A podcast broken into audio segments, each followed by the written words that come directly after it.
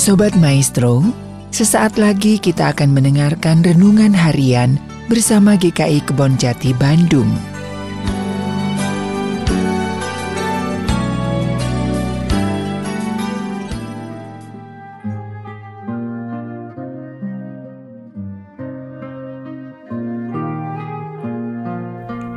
Shalom Bapak Ibu yang dikasihi Tuhan Yesus Kristus. Kembali bersama saya Stephen Matthew di dalam Renungan Harian GKI Kebon Jati. Tema renungan kita pada hari ini adalah Taat 100% mengikut Tuhan. Ayat yang menjadi dasar renungan kita diambil dari Matius 10 ayat 34 sampai 39. Demikian firman Tuhan. Jangan kamu menyangka bahwa aku datang untuk membawa damai di atas bumi. Aku datang bukan untuk membawa damai melainkan pedang Sebab aku datang untuk memisahkan orang dari ayahnya, anak perempuan dari ibunya, menantu perempuan dari ibu mertuanya, dan musuh orang ialah orang-orang seisi rumahnya. Barang siapa mengasihi bapak atau ibunya lebih daripadaku, ia tidak layak bagiku. Dan barang siapa mengasihi anaknya laki-laki atau perempuan lebih daripadaku, ia tidak layak bagiku. Barang siapa tidak memikul salibnya dan mengikut aku, ia tidak layak bagiku. Barang siapa mempertahankan nyawanya, ia akan kehilangan nyawanya. Dan barang siapa kehilangan nyawanya karena aku, ia akan memperolehnya.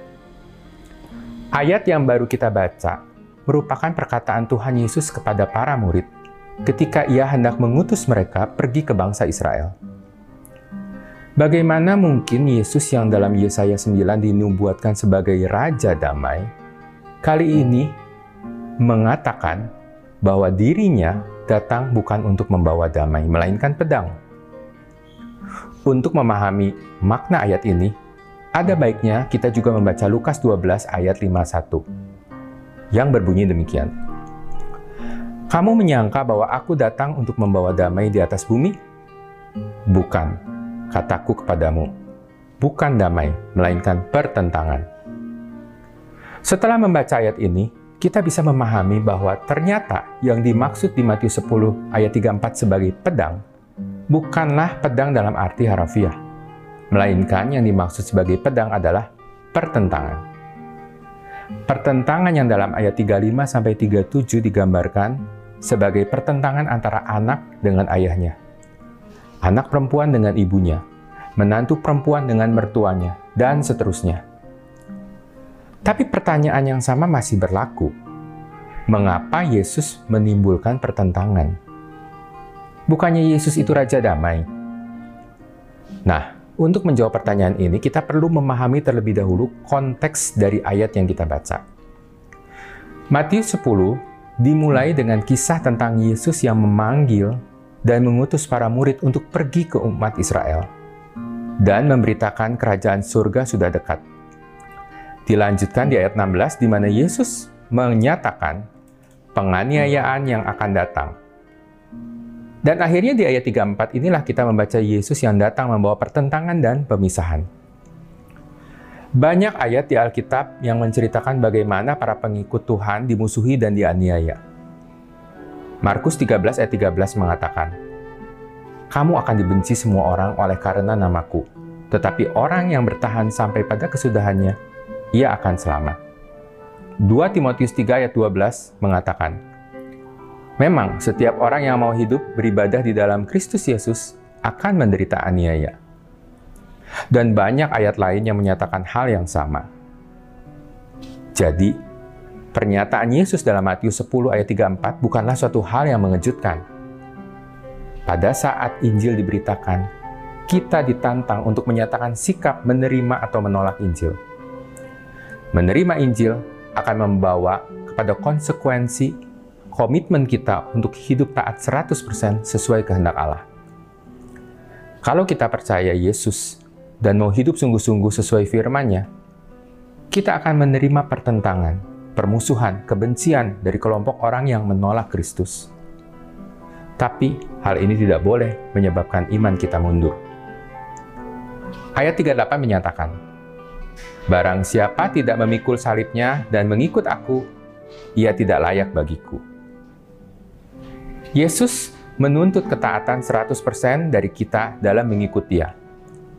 Bahkan jika komitmen itu menyebabkan kita dimusuhi dan dibenci. Sampai di sini mungkin kita secara kritis bisa bertanya, jika pemberitaan Injil akan menimbulkan kelompok yang percaya dan tidak percaya, dan juga sikap memusuhi pihak yang berbeda keyakinan, bukankah hal ini juga terjadi pada ajaran agama lain? Kita semua tahu di dunia ini banyak ajaran agama yang juga membagi pendengarnya ke dalam dua kelompok, yang setuju dan tidak setuju, yang menerima dan yang tidak menerima. Dan bisa saja terjadi permusuhan di antara kedua kelompok ini. Lalu, apa bedanya dengan ajaran Yesus? Perbedaannya dinyatakan oleh Yesus sendiri di ayat 39 Barang siapa mempertahankan nyawanya, ia akan kehilangan nyawanya. Dan barang siapa kehilangan nyawanya karena aku, ia akan memperolehnya. Ayat 39 ini merupakan suatu garansi dari mulut Yesus sendiri akan buah dari perjuangan kita menghadapi permusuhan dari pihak lain. Garansi akan keselamatan dan damai yang sejati. Suatu garansi yang tidak akan pernah kita dapatkan di ajaran lain. Kata nyawa di ayat 39 ini dalam teks aslinya adalah psuke, yang bermakna kehidupan atau cara hidup.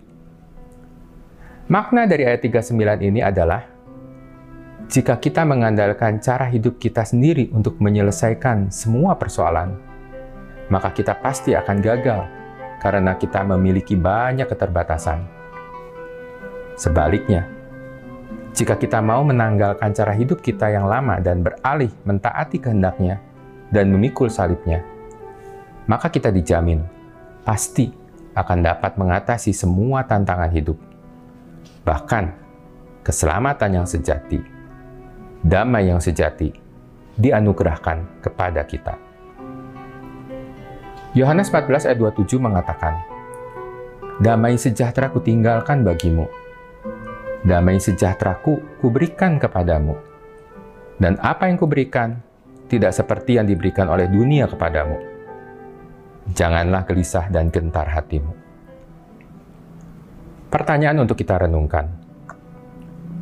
Sadarkah kita bahwa mengaku percaya kepada Injil membawa kita pada konsekuensi tuntutan untuk taat 100% pada kehendak Allah?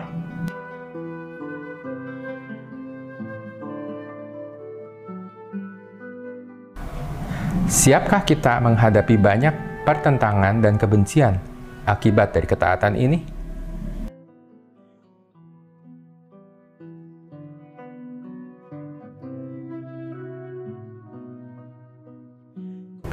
Demikianlah renungan kita pada hari ini.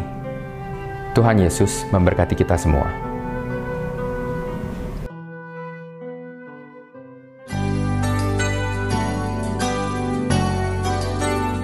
Sobat Maestro, baru saja Anda mendengarkan renungan harian bersama GKI Kebon Jati Bandung. Tuhan Yesus memberkati.